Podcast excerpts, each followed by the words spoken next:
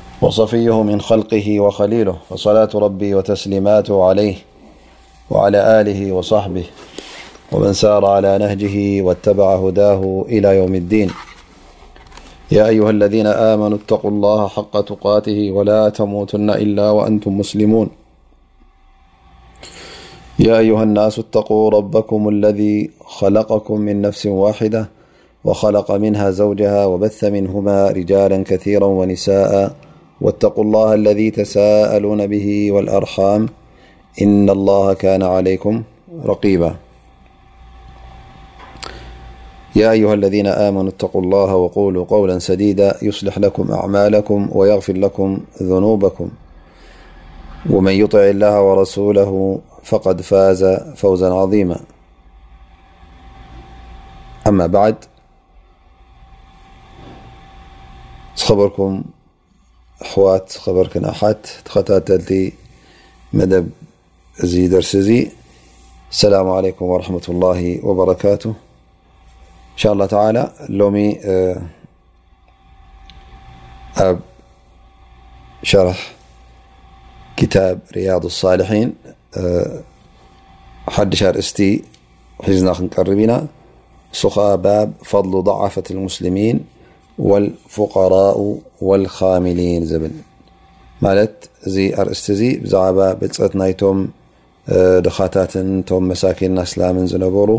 እቲ ብልፀቶም ከመይ ከም ዝኾነ በቲ ኣብ ቁርን ዝተረኽበን በቲ ኣብ ሱና ነቢን ዝተረእየን እንሻ ላ ብኡ እናገበርና ክንጠቅስ ኢና ማለት እዩ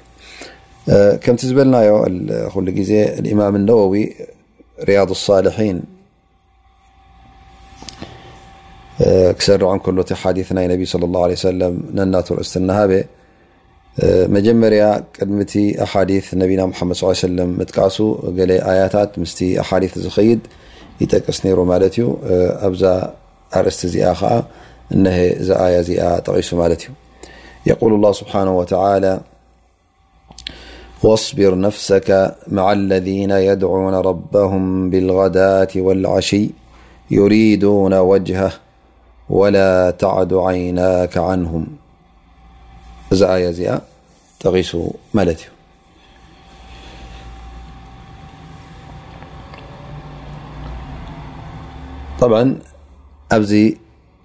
ኣርእስቲ እዚ ኣላ ስብሓን ወተላ ነቢና ሙሓመድ ለ ላ ለ ሰለም ዝሃቦም ትእዛዝ ማለት እዩ ከምኡ ውን ነቶም ድኻታት ይኹኑ ካብቶም ኣስላም ገለ ጉድለት ዘለዎም ወይከዓ ስንፈት ዘለዎም እዚ ስንፈት እዚ ወይከዓ እዚ ድኽመት እዚ ኣብ ናይ ማል እንተ ኮይኑ ድኽነት ማለት እዩ ወይ ከዓ ኣብ ኣእሙራዊ ክእለት ወይ ከዓ ኣብ ናይ ሓይሊ ኣብ ናይ ስልጣን ኣብ ናይ ማሕበራዊ ነገር እተ ኣሎ ኮይኑ ውን ኣብኡ እንተ ስንፈት ኣለዎም ኮይኑ እዚ ኣብ ኣዱንያ ዝርከብ ጉድለታት ኣብ ቅድሚ ኣላ ስብሓን ወተላ ምንም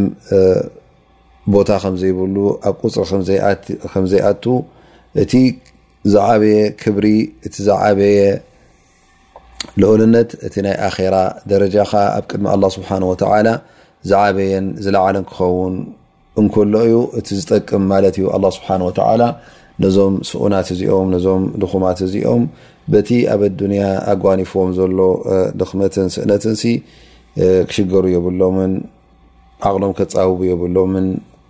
እሞ ኣላ ስብሓን ወተላ ነዞም ሰባት እዚኦም ከዘናግዖም ኢሉ ዘውረዶ ኣያታት ይኸውን ማለት እዩ ወይ ከዓ ከምኡውን ነቢና ሙሓመድ ለ ላ ለ ሰለም እዞም ሰባት እዚኦም ክብረቶም ኣብ ኣዱንያ ክሕለወሎም ከም ዘለዎም እቶም ኣንብያ ይኹኑ እቶም ሳልሒን እቶም ፈተውቲ ረቢ ነዞም ሰባት እዚኦም ክገድፍዎም ይብሎምን ብሰንኪ እቲ ኢማኖምን ብሰንኪ እቲ ሰናይ ተግባሮምን ማለት እዩ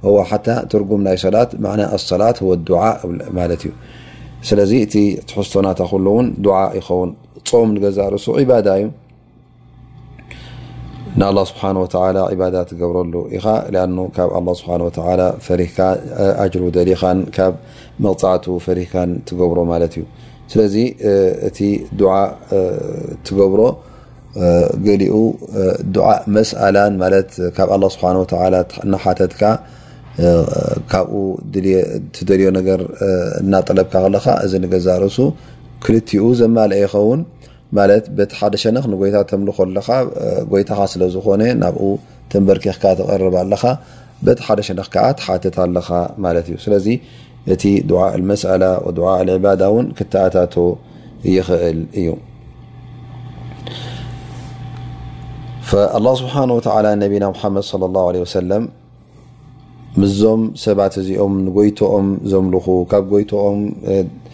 ዝጠልቡ ካብኡ ዝሓቱ ብተግባሮም ይኹን ብመልሓሶም ምስኦም ኩኒኻ ኣይትግደፎም ኣይትጋደፎም እዞም ሰባት እዚኦም የድዑነ ረቦም ብልغዳት ወልዓሽይ ማለት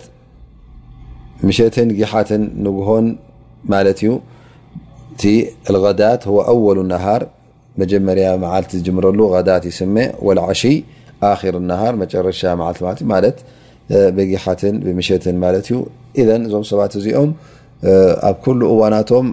እዋን ንግሆ ይኹን እዋን ምሸት ይኹን ሲ ኣብ ኩሉ ግዜ ዱዓ ዝገብሩ ስለ ዝኾኑ ናብ ጎይታ ዝውጅሁ ስለ ዝኾኑ ካብ ጎይታኦም ዝጠልቡ ስለ ዝኾኑ ኣይትጋደፎም ኢኻ ምስኦም ኩን ኢኻ እዞም ሰባት ሲኦም እዮም ኣብ ቅኑዕ መገዲ ኣብ ፅቡቕ መገዲ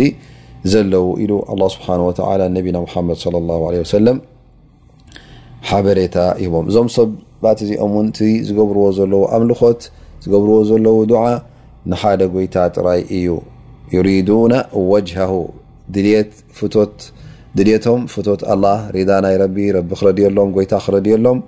ዝፍፅምዎ እዩ ነዱንያ ኢሎም ናይ ኣዱንያ ብልጭልጭ ንኽረኽቡ ወይ ከዓ ናይ ኣዱንያ ዕረፍትን ናይ ኣዱንያ ረብሓን ንክረክቡ ኢሎም ኣይኮኑን እዚ ስራሕ ዝስርሕዎ ዘለዉ እንታይ ደኣ ጎይታ ንክፈትወሎም ረቢ ንክረድየሎም እዮም ዝገብርዎ ዘለዉ ወላ ተዕዱ ዓይናካ ዓንሁም እዚ እውን እንታይ እዩ ጌና ነቢ ስለ ላ ለ ሰለም ምስኦም ንክኸውን ብዝያዳ እውን ኣላ ስብሓን ወተዓላ የረጋግፀሉ ኣሎ ማለት እዩ እሞ ዓይንኻ ናብቶም ካልኦት ግልጽ ክብል የብሉን እንታይ ደኣ ምስዞም ሰባት ክኸውን ኣለዎ ንዕኦም ጥራይ ረእ ኢኻ እንታይ ይገብሩ ኣለዉ እንታይ ይፍጽሙ ኣለዉ እቲ ዝሰርሕዎ ዘለዉ ስራሕ ረቢ ዝፈትዎ ስራሕ ጎይታ ዝደልዮ ስራሕ ዝፈትዎ ስራሕ ስለ ዝኾነ እሶም እዮም ቶም ኣብ ቅኑዕ መገዲ ዘለዉ ምስኦም ክትከውን እዩ ዘለካ ከማ ቃል ኣላ ስብሓን ወተላ ከሊክ ፊ ኣየትን እኹራ ኣብ ካልእ ኣያ እውን ኣላ ስብሓን ወተላ እንታይ ኢሉና ንነቢና መሓመድ ስ ሰለም ክሕብርን ክእዝዝን ከሎ የቁላ ስብሓን ወተላ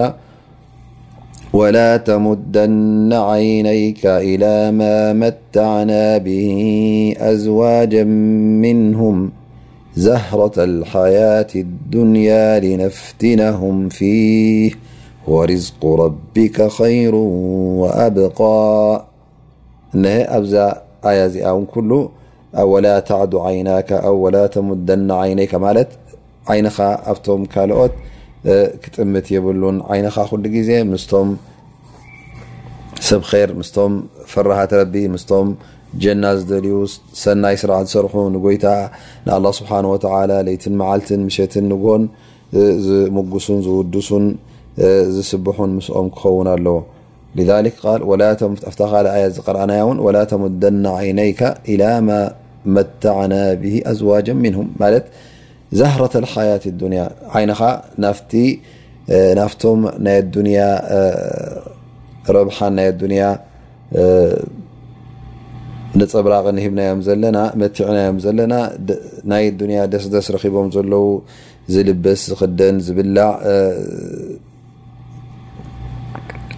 ዝውጣሕ ነገራት በብዓይነቱ ሽሻያት ሂብናዮም ዘለና ናብኦም ናብኦም ግልፅ ክትብ የብልካን መልክዕ ዘለዎን ኣንስት ይሃልዎም በብዓይነቱ ማላት ይሃልዎም ጥሪት ይሃልዎም እዚ ኩሉ ገዛውቲ ርሻውንቲ ይሃልዎም እዚ ኩሉ ግልፅ ክትብሎ የብልካን እዚ ዛህረተ ሓያት ዱንያ እዩ ዛህረተ ሓያት ዱንያ ማለት ናይ ኣዱንያ ዕምበባ እዩ ዱንያ እውን ከም ዕምበባ ገይሩ ኣላ ስብሓን ወተላ እነሀ ኣብዚ ኣያ እዚኣ ገሊፅዋ ማለት እዩ ዕምበባ ድማ ከምቲ ኩላህና ንፈልጦ እወ መልክዓ ይስሕበካ እዩ ጨናኣ እውን መኣዛ ዘለዎ ጨና እዩ ቅዱይ ዝኾነ ግን እንተ ደኣ ርእናያ ዕድሚኣ ብጣዕሚ ዕንበባ ዕድሚኡ ሓፂር እዩ ቀልጢፉ እዩ ዝውዳእ ማለት እዩ እሞ እዛ ኣዱንያ እዚኣ እውን ክትሪኣ ከለኻ ትስሕበካ እያ መልክዓ ኣለዋ መቐረት ኣለዋ ግን ከምታ ዕንበባ ቀልጢፋ እትነቅፅ ቀልጢፋ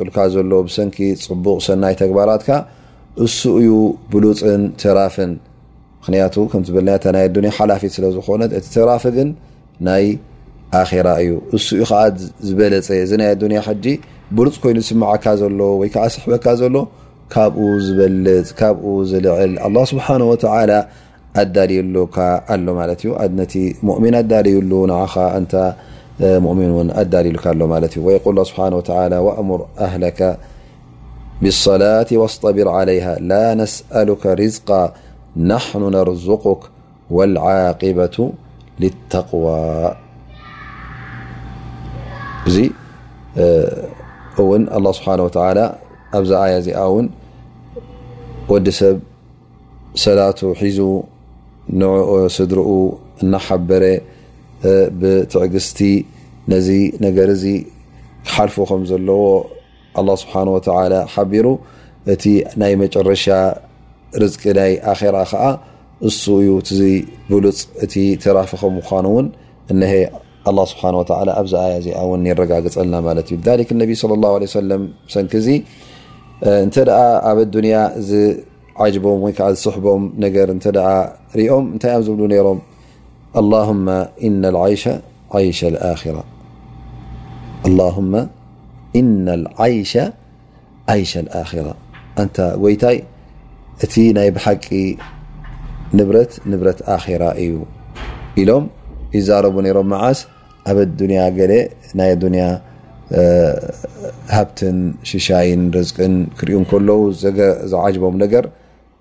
ይብሉ ኣላሁማ ኢነ ልዓይሸ ዓይሸ ልኣራ ማለት እዚ ናይ ኣዱንያ እዚ ናብራ ኣይኮነን ምክንያቱ መፈፀምታን መደምደምታን ስለ ዘለዎ መወዳእታ ስለ ዘለዎ ገደብ ስለ ዘለዎ መጨረሽታ ስለ ዘለዎ ኣማ እቲ ናይ ብሓቂ ናብራ ኣንታ ጎይታ እቲ ኣብ ኣኼራ ዘሎ ናብራ እዩ እቲ ኣብ ኣኼራ ዘሎ ናብራ እቲ ዝበለጸን እቲ ዝሓሸን ተራፍን ዝኾነ እዩ ኢሎም በዘን ክልተ ቃላት እዚኤን ነቢ صለ ላሁ ለ ወሰለም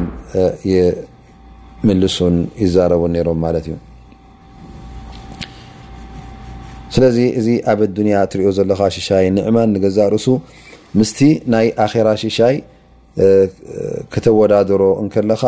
እቲ ፍልል ናቱ ክትፈልጥ ትኽእል ማለት እዩ እዘን እዚ በዱንያ ዘሎ ንገዛእ ርእሱ መዘኻኸሪ ናይ ኣራ ክኾነካ ኣለዎ ማለት እዩ እሞ ኣላ ስብሓን ወተላ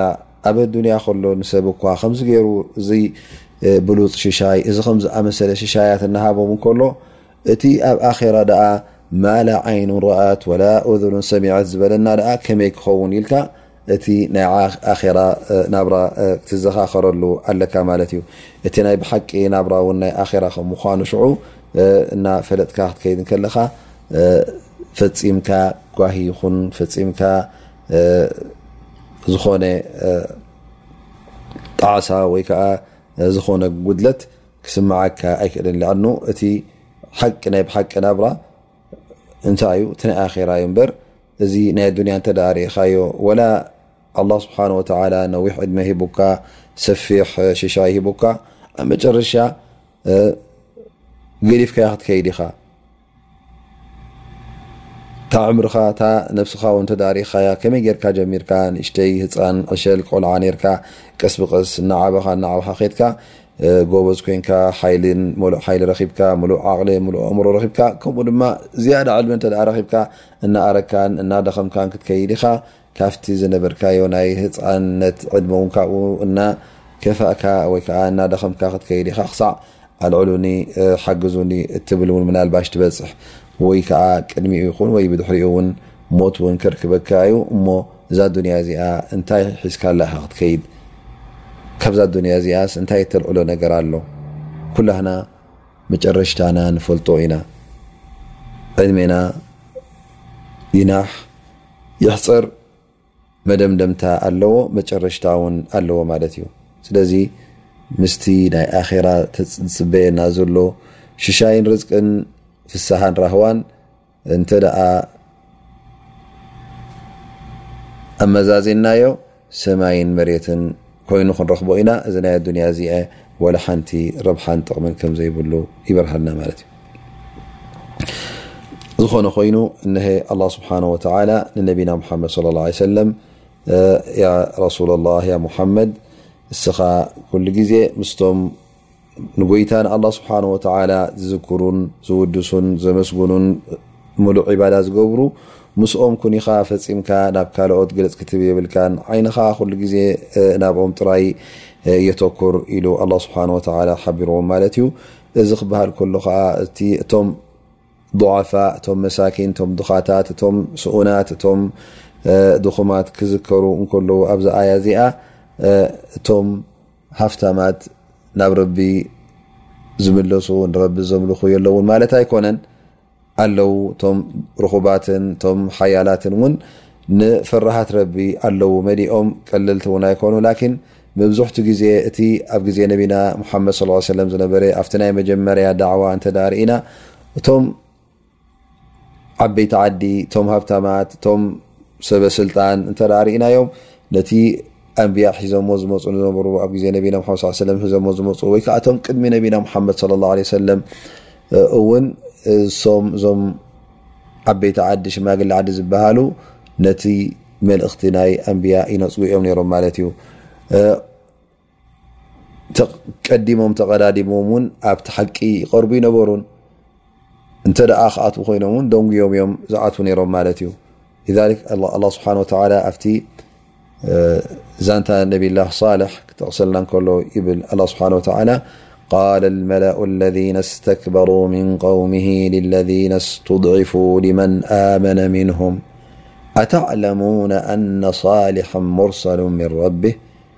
እቶም ትዕቢተኛታት ማለት እዮም እቶም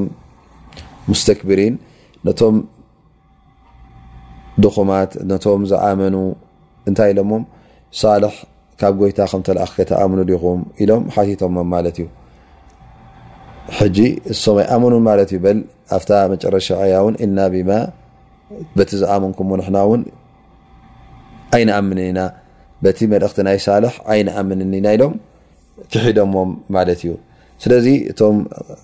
ሙስተክብሪን እቶም ትዕቢተኛታት ዝነበሩ እንተ ሪኢና ኣብ ቁርን ክጥቀሱ ከለዉ እቶም ሙትረፊን እቶም ሰብ ገንዘብ እቶም ሰብ ሃብቲ ነቲ ናይ ኣንብያ ዳዕዋ እቲ ናይ ሓቂ መልእኽቲ ክመፅእ እንከሎ ፈፂሞም ይቕበሉ ይነበሩ እንተ ክቕበሉ ኮይኖም እውን ደንጉዮም እዮም ዝቕበሉ ነይሮም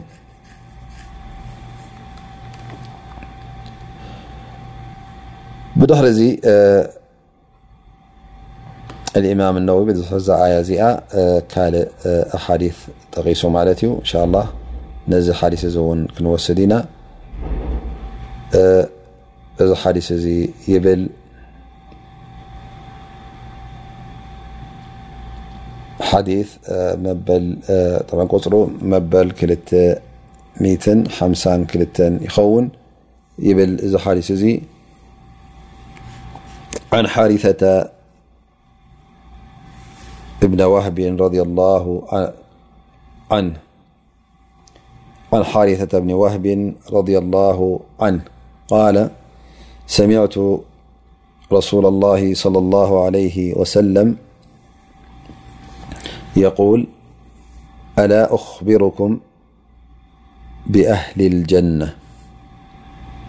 أخبركم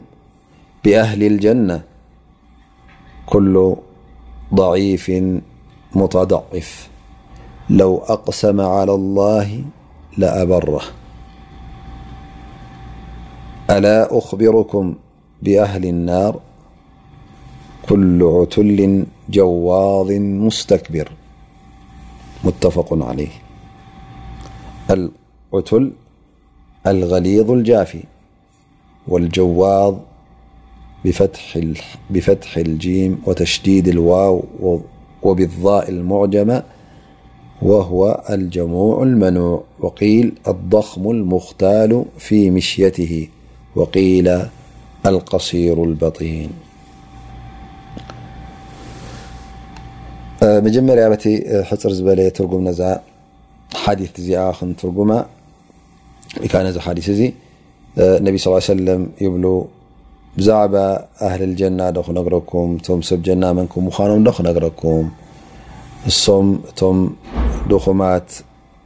እቶም ትሑታት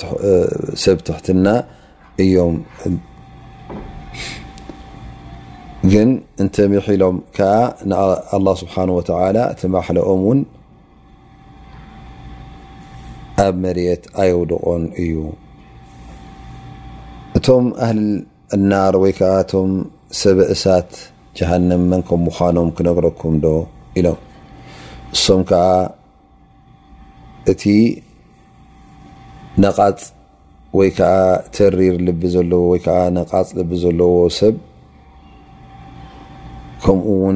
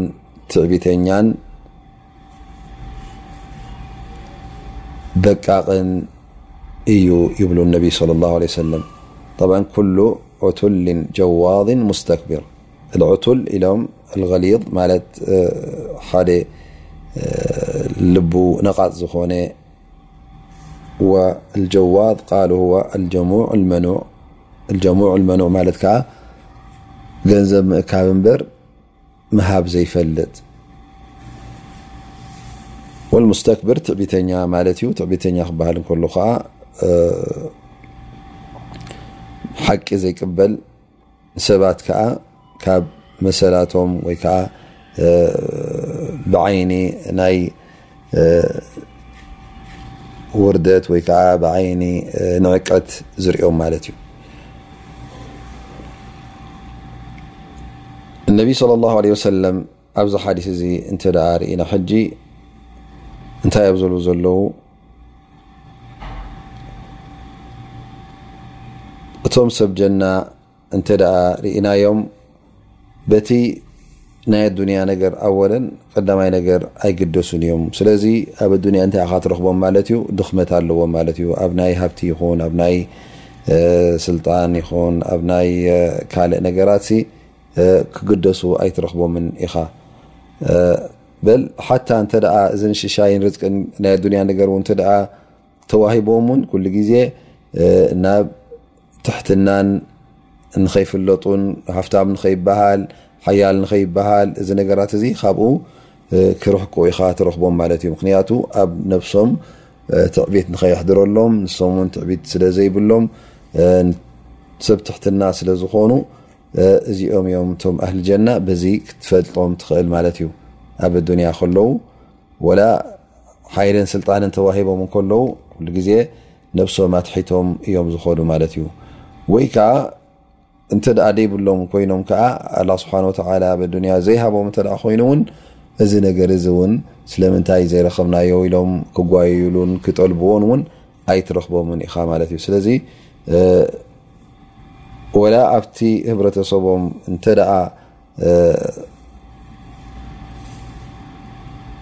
ስኡናት ኮይኖም ስለምንታይ እዚ ኣጓኒፉና ኢሎም ከፀርፅሩ ትሰምዕ ወይ ከዓ ናይ ኣዱንያ ሓሲቦም ናይ ኣዱንያ ደልዮም ውን ደድሕሪያ ክጓየዩ ንዓ ክረኽቡ ኢሎም ውን ኣይከዱን እዮም ወላ እዚ ሕጂ እንታይ ይኸውን ማለት እዩ እቲ በዓል ኢማን ኩሉ ግዜ ልቡ ምስቲ ናይ ኣራ ስለተጠንጠለ ናይ ኣላ ስብሓን ወተላ ሪዳን ፈቶትን ስለ ዝደሊ እንታይ ካ ትረኽቦ ማለት እዩ ኩሉ ግዜ እቲ ናይ ኣዱንያ ሃሚ ንዕኡ ኣየሸግሮን እዩ ስለዚ ዝሓለፈ እንተ ሓሊፍዎም ግልፅ ኢሎም እውን ኣይርእዎን እዮም ምክንያቱ ኩሉ ኣብ ኢድ ኣላ ስብሓን ወተላ ከም ምኳኑ ይኣምኑ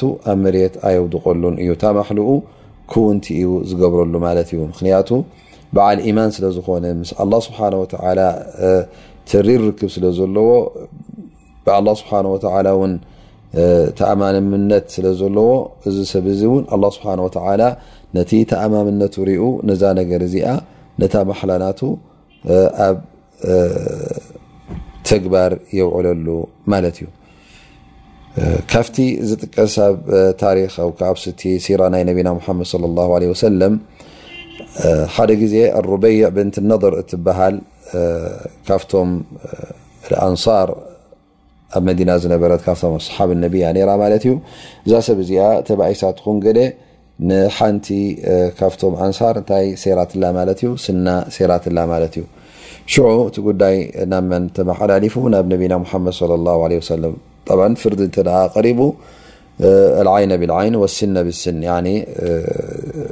ኩሉ ንናቱ መመሰሉ ዩ ዝወስድ ማለት እዩ እዛ ሰብ እዚኣ ስኒታ ሓፍታ ስለ ዝሰበረት ነቢ ስ ሰለም ልክዕ ከምኣ ስና ክስብር ኣለዋ ኢሎም ወይ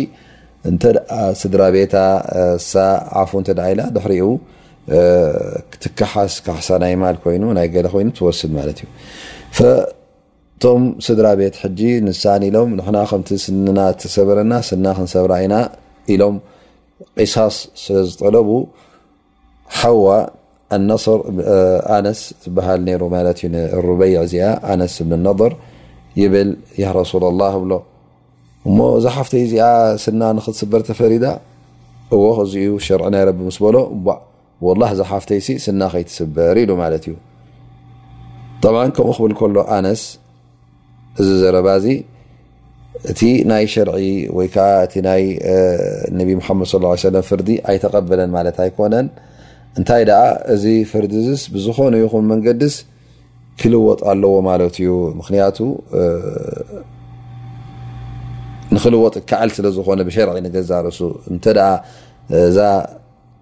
ስና ተሰሩ ዘሎ ወይ ከዓ ቶም ስድርዓ እንተ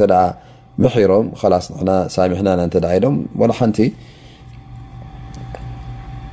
ኣይተጥለብን እያ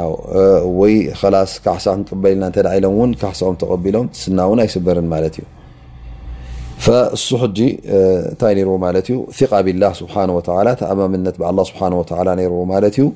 ነዞም ስድራኣ እዚኦም ተዛሪቡ ሕራይ ከብሎም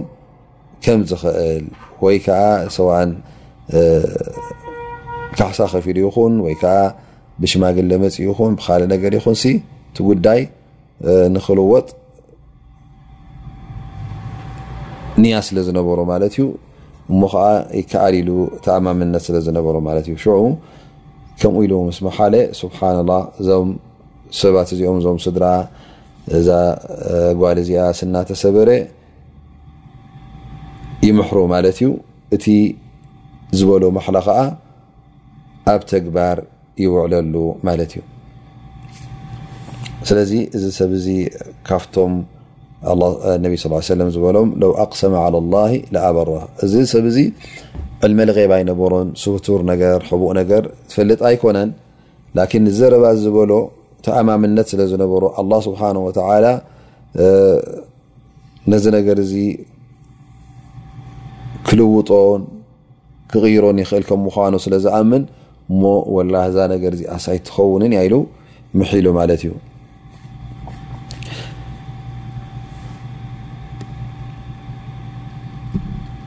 እዚ ሕጂ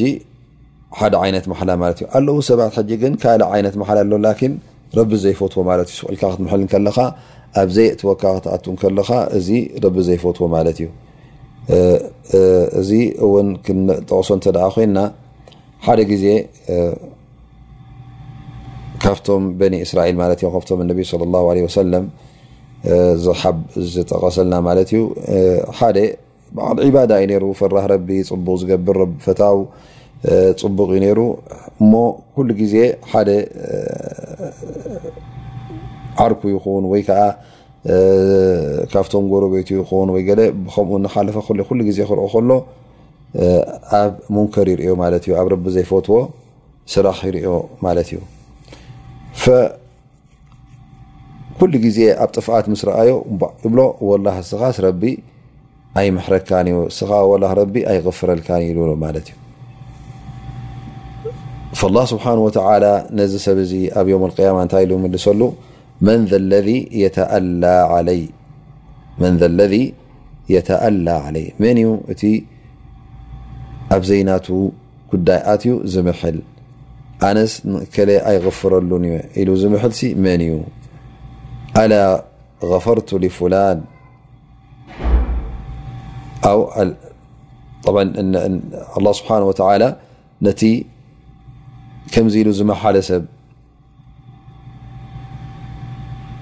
እ ላ ስብሓን ወተላ ኣይቕፍረልካ ዩ ዝበሎ መዓኑ በዓል ዓመል ሳልሒ ነይሩ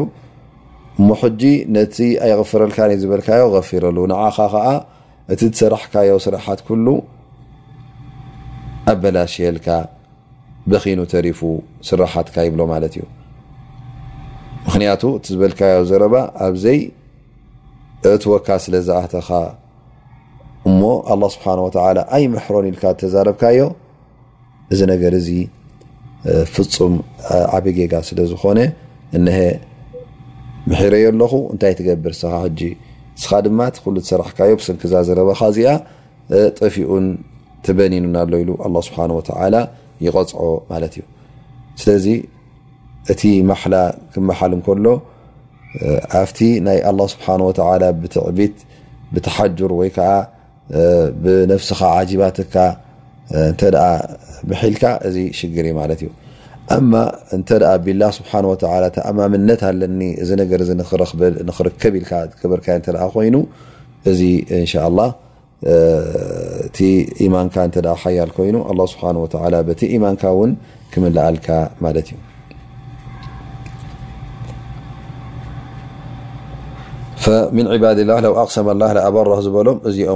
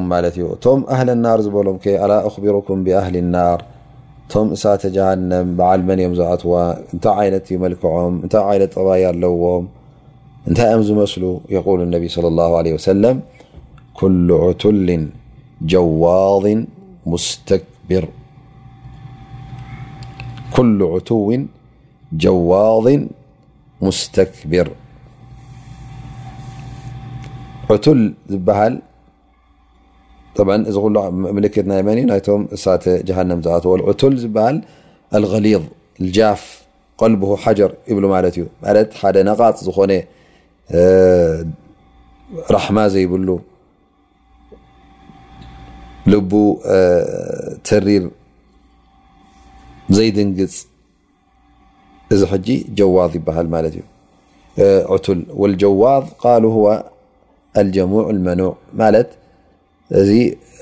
ሃንጎሪማ ማለት እዩ ጥራይ ገንዘብ ምእካብ ዝፈልጥ እምበር ንሊላሂ ኢሉ ዘይ ዘይህብ ማለት ኢማን ዘይብሉ ማለት እዩ እዛ ዱንያ እዚኣ ኩላ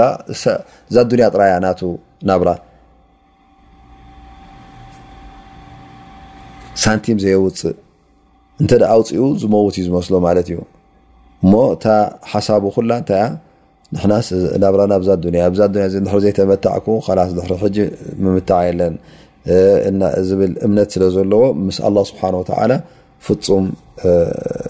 ኢማን የብሉን ማለት እዩ፣ ፍፁም ርክብ የብሉን ማለት እዩ። ናብ ጎይታ ናብ ኣላህ ስብሓን ወተዓላ ዝፅጋዕን ካብኡ ዝደልን ኣይኮነን እንታይ ደኣ ዝረኸቡ ጥራይ በስናኑ ዝነክስ ማለት እዩ። ሃዛ ሁወ ኣልጀዋብ ኣመ ልሙስተክብር ሙስተክብር ዝተበ ክንብል ከልና ከዓ መን እዩ? ትዕቢተኛ ማለት እዩ ወነቢ ስ ሰለም ክብሩ በጠሩ ሓቅ ወቀምጡ ናስ ኢሎም ን ተንቲኖም ሞ እዮም ማለት በጠሩ ሓቅ ትዕቢተኛ እተ ኮይኑ እንታይ እዩ ዝገብር ማለት እዩ እንተ ሓቂ እዚ ንካ ነጊርካዮ ካብኡ ስለ ዘይመፀት ካብ ካልእ እተ ሰሚዕዋ ኣይቅበላን ማለት እዩ ብጀካናቱ ናይ ካልእ ዘይቅበል ወላ ሓቂ ትኹን ወላ ቅንዕቲ ትኹን ማዳም ካብ ካልኦት እያ መፅኣ ኣይቅበላን ማለት እዩ በጠሩ ሓቅ ወቀምጡ ናስ ንሰብ ምንዓቅ ማለት እዩ ሰብ ምስትንኣስ ሰብ ወዲ ሰብ ከማኻ እንከሎ ካብ ኣደም ኩልኹም እተወለድኩም ካብ ጭቃ እተኸልቕኩም እንከለኹም ግን እንታይ ይገብር እዚ ሰብ እዚ ማለት እዩ ንሰብ ይንዕቕ ማለት እዩ መን ከማይ እናበለ ምናልባሽ ሓይሊ ሃልዎ ኮይኑ ስልጣን ሃልዎ ኮይኑ መልክዕ ሃልዎ ኮይኑ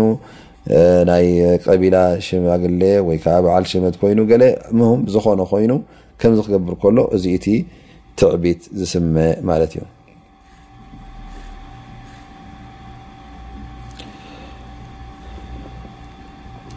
ቶም ሰብ ጀሃንም ዓይነት ኮይኖም ማለት እዮም ኩሉ ኦቱሊን ጀዋሊን ሙስተክብር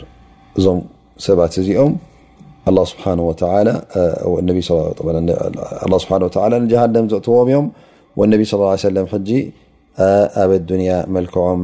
መን ከም ምዃኖም እንታይ ዓይነት ጠባይ ከም ዘለዎም እነሀ የርእየና ኣሎ ማለት እዩ እቶም ሰብ ጀና ኩሉ ضዒፍን ሙተضዕፍ ማለት ኩሉ ግዜ ናይ ትሕትና ዘርዩ ትሕትና ስራሕ ትሰርሑ ማለት እዩ በንፃሮም ሕጂ እቶም ኣህሊ ጀሃንም ይኾኑ ማለት እዩ ኣብዛ ዱንያ እዚኣ ሰብ ትዕቢት ኮይኖም ትረኽቦም ላኪን ዮም ኣልቅያማ እንተ ርኢኻ እቶም ኣብዛ ኣዱንያ እዚኣ ኣብ ትሕትና ዝነብሩ ዝነበሩ ኣላህ ስብሓን ወተዓላ ኣብቲ ዝለዓለ ደረጃ ናይ ጀና ኣብኡ ከእትዎም እዩ እቶም ኣብ ኣዱንያ ነብሶም ዓጂባቶም ዝነበረት መን ከማና እናበሉ ብትዕቢት ተዓሽዮም ንሰብ ዘሸግሩን ንሰብ ዝረግፁን ንሰብ ዘዋርዱን ንሰብ ዘጨኩኑ ዝነበሩ ኣብ ዮም ኣልቅያማ ከዓ እዞም ሰባት እዚኦም እቲ ሓያል ጎይታ